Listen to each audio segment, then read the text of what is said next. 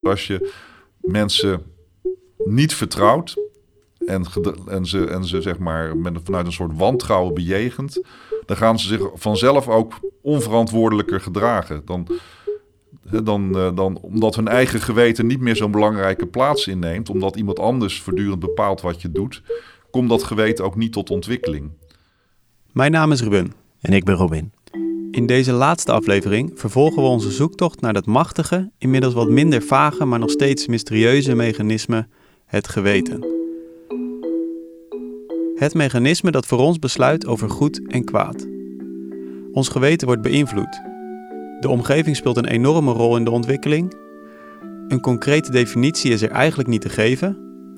En er zijn allerlei factoren die onze morele beslissingen verstoren, vervagen of op de achtergrond zetten. Wij gingen meer twijfelen over onze gewetens dan dat we ze begrepen. Wij vroegen ons af: zouden we ons geweten kunnen vervangen of uitbesteden? In deze aflevering vervangen we het geweten door een god, een kantoorafdeling en een superrobot. en lacht onze expert ons uit. Het is natuurlijk een volstrekt waanzinnig idee. Als je dat zou doen. Welkom bij aflevering 3: Gewetensvervangers. Heb je je wel eens een doorsneedag in een gewetenloze wereld voorgesteld? Zou je daar ook ochtends de krant krijgen? Wat zou er op de voorpagina staan? En dan, als je even later onderweg naar je werk chagrijnig en doorweekt in de spits in de metro staat, tussen iedereen die zwijgend ruimte voor zichzelf probeert te maken, gaat dat goed? Bestaat er in zo'n wereld nog iets als feestjes, verenigingen, sport, vrede?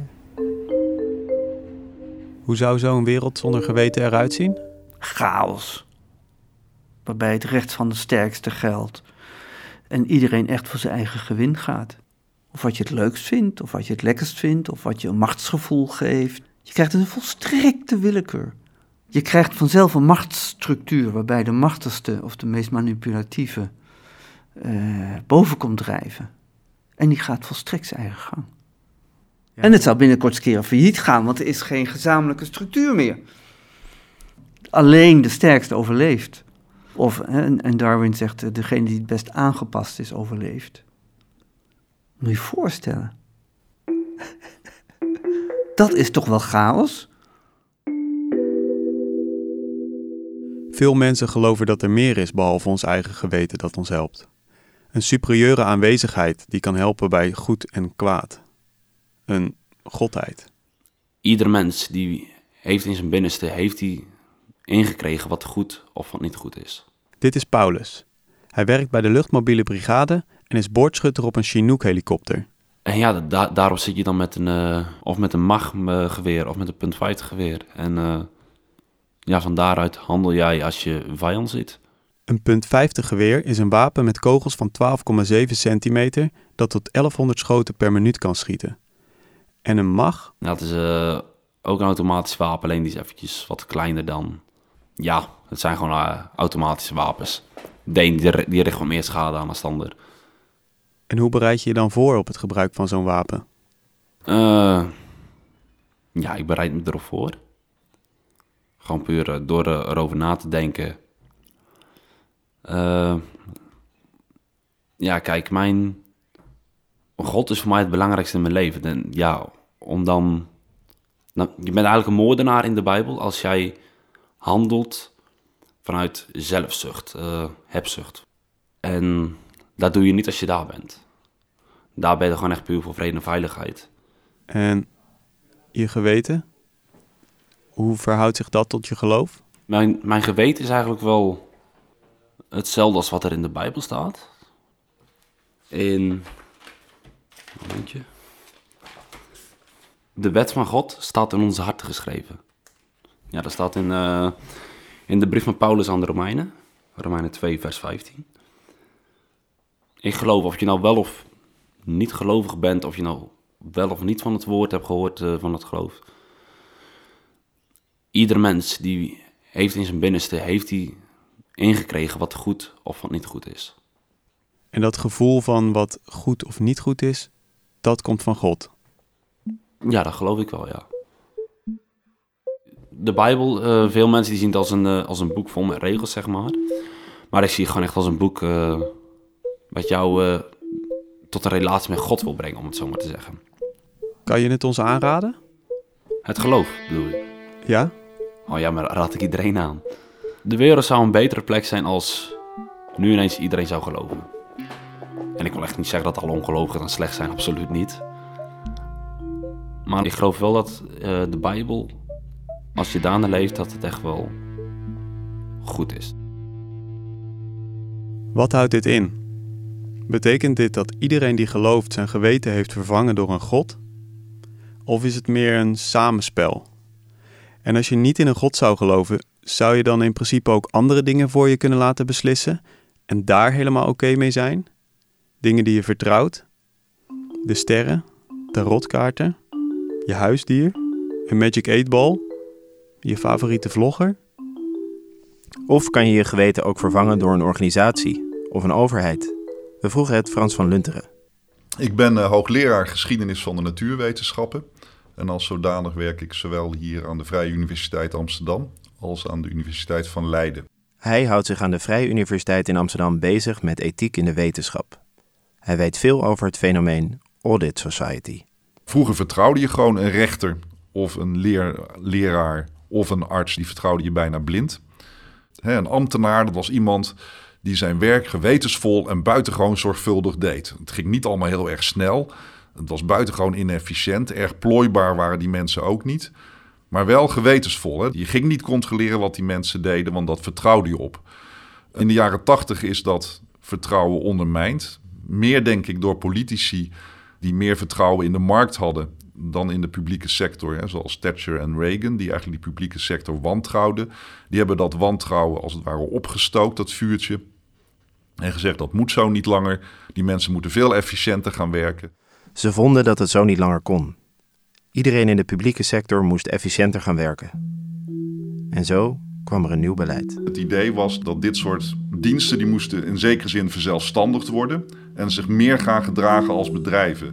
Dus die moesten gericht zijn op klanten, op doelmatigheid en op productiecijfers. En hoe je aan die resultaten komt, dat, wordt, dat vindt men niet zo heel erg belangrijk. Althans, dat was een beetje de beeldvorming. Je wil gewoon succesvol zijn. Dus daarmee is dat geweten eigenlijk ook weggeërodeerd. Er ontstonden controlemechanismen die in de gaten hielden of de publieke sector zijn doelen wel bereikte. Zowel binnen de organisaties als daarbuiten werden ze gecheckt op hun resultaten. Allerlei interne en externe audits, hè, zoals dat heet. Vandaar ook dat uh, hiervoor veel de term audit society voor wordt gebruikt. Dat van alles moet rekenschap worden afgelegd. En ik vind dat een buitengewoon ongezonde situatie. Sterker nog, als dat nog verder zou, zou doorgaan en zelfs ons geweten nog gecontroleerd zou kunnen worden, het lijkt mij het ultieme nachtmerriescenario. Het lijkt misschien een verhaallijn uit een naar science fiction verhaal. Toch leven we steeds meer en meer in een audit society. En deze trend lijkt nog niet te stoppen. Net als dat nu in Amerika gebeurt, hè, die, met name Trump, die maakt uh, professionals verdacht. Dat doet hij voortdurend, doelbewust. Of het nou gaat om, de, om, de, om journalistiek of de universiteiten, om wetenschappers. Die worden gewoon voortdurend verdacht gemaakt. En dat is, dat is een hele efficiënte manier om een soort publieke onvrede te creëren. En dat roept dan weer om maatregelen om die uh, onder verdenking liggende professionals te controleren. En daardoor gaan die professionals steeds slechter gedragen, waardoor het een self-fulfilling prophecy wordt en waardoor je nog meer controlemechanismes moet optuigen, want die, die professionals zijn ook niet meer te vertrouwen inmiddels. En dat is in de jaren tachtig in feite ook gebeurd. Ook dichter bij huis is de Audit Society goed en wel zichtbaar. Iemand op een lagere school die hoefde vroeger alleen maar een rapportje een paar keer per jaar te maken waar wat cijfers ingevuld werden en een enkele opmerking aan toegevoegd. En tegenwoordig moet van elke leerling in het lager onderwijs moet een compleet dossier bijgehouden worden, wat die ouders ook elk moment kunnen inzien. Artsen moeten ook enorme dossiers bijhouden, die worden volgens allerlei tabelletjes afgerekend op handelingen. In de praktijk hebben ze nauwelijks meer tijd van. De huisarts heeft nauwelijks meer tijd voor de individuele patiënt, want die moet binnen 10 minuten de kamer uit. Anders dan vergoedt de verzekeraar het niet meer. Uh, ik kan, je kunt hoogleraar zijn of niet, maar dat ik zelf een tentamen kan afnemen, dat, dat is eigenlijk al twijfelachtig. Steeds meer regels, steeds minder verantwoordelijkheid. Het geweten erodeert dan weg. Maar hoe erg is dat? Valt het niet op te vangen met nog meer controle? Dat zorgt ervoor dat we tenminste niet lui achterover zitten en niets doen. Maar als we dat controlemechanisme nou gewoon heel goed maken, dan kunnen we toch gewoon doen wat we zelf willen. En dan hoeven we ook niet meer met dat onbetrouwbare geweten om te gaan. Is dat niet fijn? Je krijgt geen ehm, verantwoordelijke, gewetensvolle mensen door ze voortdurend te controleren. Integendeel, het beeld is eerder overal waar je weg mee kan komen. Alle mazen in die controles, die ga je opzoeken. Dus het is een beetje een vicieuze cirkel. En het lijkt mij heilloos om nog meer controlemechanismes in te gaan voeren. Want ik geloof niet dat, dat, dat je daarmee eh, goed gedrag uiteindelijk kunt afdwingen. Alleen maar dat leidt tot calculerend gedrag. En dat is niet hetzelfde.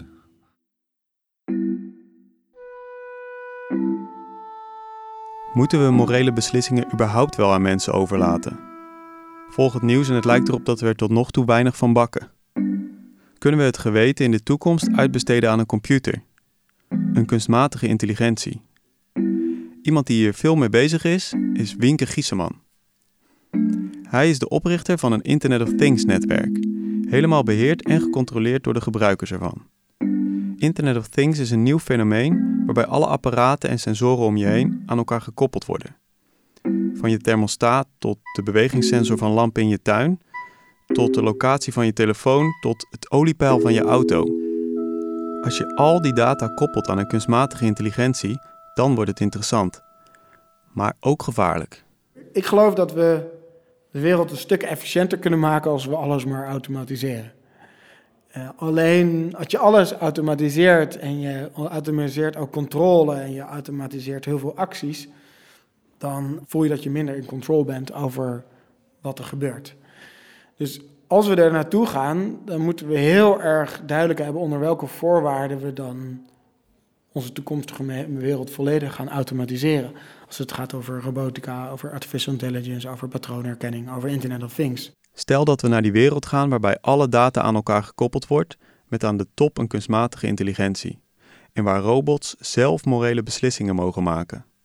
Wat zijn dan de voorwaarden om daar veilig terecht te komen? Ik denk dat we vooral als mens dan heel erg moeten leren omgaan met, met die nieuwe technologie. En als we dat willen doen, en we willen het behoud van allerlei hogere normen en waarden die wij al, waar we al duizenden jaren over hebben gedaan om daar tot te komen vandaag de dag, dan moet je dat met kleine stapjes doen.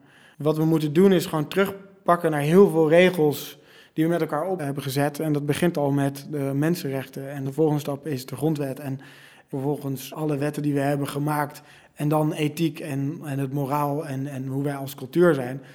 En belangrijk is dat je dat dus wel met kleine stapjes doet, denk ik. Want je moet elke keer weer toetsen aan van, oké, is dit nou wat we willen? En is dit nou echt een stap richting een, een betere wereld? En uh, ik denk dat als je dat met hele grote stappen doet en je, en je doet dat niet zorgvuldig genoeg, dan, uh, dan is dat heel gevaarlijk. Maar ik geloof ook, we moeten wel gaan bewegen. Winke vertelde ons over een belangrijke vraag die steeds gesteld moet worden tijdens het bewegen naar deze vierde industriële revolutie, die van big data en kunstmatige intelligentie. Het is misschien heel erg cliché, maar het is echt heel erg de waarom-vraag. Waarom doe je wat je doet? En uh, ik denk dat we gewoon veel te veel dingen zien, is de mensen die het waarom verloren hebben en het klakkeloos uh, op basis van normen, uh, religie, wetten, culturen iets doen, zonder dat ze ook maar enig idee hebben waarom ze dat ook weer deden. En ik denk dat het moment dat je dat verliest, dan, uh, dan, dan weet je niet meer wat iemand doet. Ja, ik denk dat dat, uh, dat, dat dat wel echt het allerbelangrijkste is. En dat de ambachtsman van die vierde industriële revolutie zich dat heel vaak moet afvragen van waarom als jij een stukje artificial schrijft, als jij bij een verzekeraar werkt en je doet een aantal analyses over of je wel of niet iemand, iemand moet aannemen. Ja, ik denk dat dat wel dat dat het allerbelangrijkste is. Als een situatie stabiel is, dan is het niet zo heel erg dat, uh, dat je dat af en toe wel eens loslaat. Maar als je wereld wordt, soort van, als, je in, als het allemaal wordt gedisrupt en, en, en modellen veranderen, dan is het nog belangrijker om je af te vragen waarom doen we wat we doen. Miljarden kleine prikkeltjes die van overal informatie geven. Slimme koelkasten, flitspalen, camera's, wasmachines, televisies, laptops, microfoons, netwerken, telefoons, digitale opslag van staatsgeheimen, jouw verzekeringsgegevens. Een gigantisch netwerk van sensoren, informatieverzamelaars en dragers. Alle sensoren gaan werken als een zenuwstelsel. Een netwerk dat overal ziet, voelt en hoort. En dat met kunstmatige intelligentie denkt. Uit dat meganetwerk dat als een groot onzichtbaar net over de aarde hangt, krijgt het feedback. Het een werkt wel, het ander niet. Zo verbetert het zichzelf. Het leert regels, wat goed en slecht werkt, wat goed en slecht is. En beetje bij beetje ontstaat er in die kunstmatige intelligentie een geweten. Eén supergeweten. Over, boven, tussen en om alles en iedereen heen. Het maakt beslissingen over goed en slecht, maar op zijn eigen manier, vanuit de eigen lessen. Daaruit beslist het. Niet met ons, maar voor ons. Elon Musk, Bill Gates, Stephen Hawking en andere hoog aangeschreven wetenschappers hebben gewaarschuwd voor de gevolgen van zo'n kunstmatig supergeweten. Of het nou een opperwezen is, een oppermachtig bedrijf, een overheid of een mega-robotisch bewustzijn wat goede keuzes maakt, wat zijn wij nog als we ons geweten laten vervangen door iets anders? Maar Ruben, in, in hoeverre verschillen we dan eigenlijk nog van andere diersoorten? Uh, ik denk dat we dan in die zin van andere diersoorten verschillen dat andere dieren zich wel bezighouden met de groep. Hmm. Misschien dat we dan niet zoveel verschillen van roofdieren. Dan zijn wij de lone wolves die alleen maar bezig zijn met ons eigen genot. Wij, de hondjes, en de anderen, de baasjes. Het is natuurlijk een volstrekt waanzinnig idee. Volstrekt onmogelijk en waanzinnig. Als je dat zou doen, het geweten uitbesteden aan een institutie, nou, daar moet je toch niet aan denken. Dat je dan zelf niet meer je eigen verantwoordelijkheid hoeft te nemen omdat een ander dat doet. Ja, is dat zo'n schrikbeeld? Ja, Waarom, volstrekt geschift. waarom is Voor mij, hè? Ja, waarom is dat? Waarom reageert u er zo? Om, eh, omdat ehm, het, het, het idee van het geweten is juist dat jij als mens, met hoe je jezelf beleeft, de verantwoordelijkheid neemt voor hoe jij met de wereld omgaat. Is iemand bereid om naar, naar een hoger doel te kijken? Maar dat drijft op basis van intrinsieke motivatie. En als je dingen eh, van buiten oplegt, uitbesteedt, dan wordt dus de motivatie om die regels te houden wordt extern. Extrinsieke eh, motivatie. En dan komen mensen in opstand. Dat willen we niet. Dan gaan we onderduiken, dan gaan we dingen doen die juist er tegenin gaan. Uiteindelijk ben je beter af met dan zonder geweten. En of je het nou wil of niet, het geweten blijft. Zolang je leeft, moet je je verhouden met je geweten. En als je gezond in elkaar zit, moet je je verhouden met schuld en schaamte. Dat is inherent aan leven. Alleen hoe dan? Het liefst zou je willen dat je afstreepboompjes kon maken. Hè? Ja, nee, ja, nee, ja, nee. Ik doe dat. En dat is dus nooit mogelijk. Maar wat dan wel? Er zal dus altijd een zekere strijd zijn waarbij het geweten een rol speelt. Tot op hoge ouderdom zal het spelen. Maar wat heerlijk is, is als die strijd geen snoeiharde strijd is of geen verbitterde strijd is.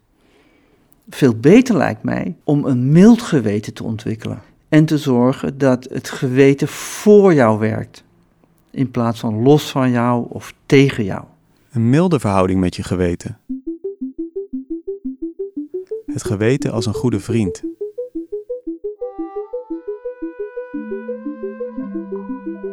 We hebben nog één laatste gedachte-experiment voor je, waar we zelf ook nog niet helemaal uit zijn. Stel, je leeft je leven, zoals ieder ander, en je luistert naar een podcast over het geweten die op zijn einde komt. Er volgt nog één laatste gedachte-experiment. Als je goed hebt geluisterd, dan heb je jezelf beetje bij beetje steeds beter kunnen afstemmen op de stem van je geweten. Sommigen schijnen die stem zelfs te begrijpen. En op een bepaald moment vraagt die stem: Begrijp je me? Begrijp je me? Zie je hoe ik beweeg? Ik doe het voor je, maar ik ben niet foutloos. Ik wil je helpen. Ik wil je helpen. Dat is niet altijd leuk. Meestal niet zelfs. Ik definieer jou. Ik definieer jou. Ik was er vanaf het begin af aan al. En ik blijf er tot je dood. Ik loods je door de zwaarste, meest complexe vraagstukken. Ik fluister je de oplossingen in voor je moeilijkste problemen. Eigenlijk ben ik jou. Eigenlijk ben ik jou. Vertrouw je me? Vertrouw je me? Deze podcast is gemaakt door Ruben Pest En Robin van Gelder. in samenwerking met VPRO Dorst. Muziek Boelo de Smit. Techniek Alfred Koster, Productie Nienke Jurgens. eindredactie Randy Vermeulen en Ruby Delen.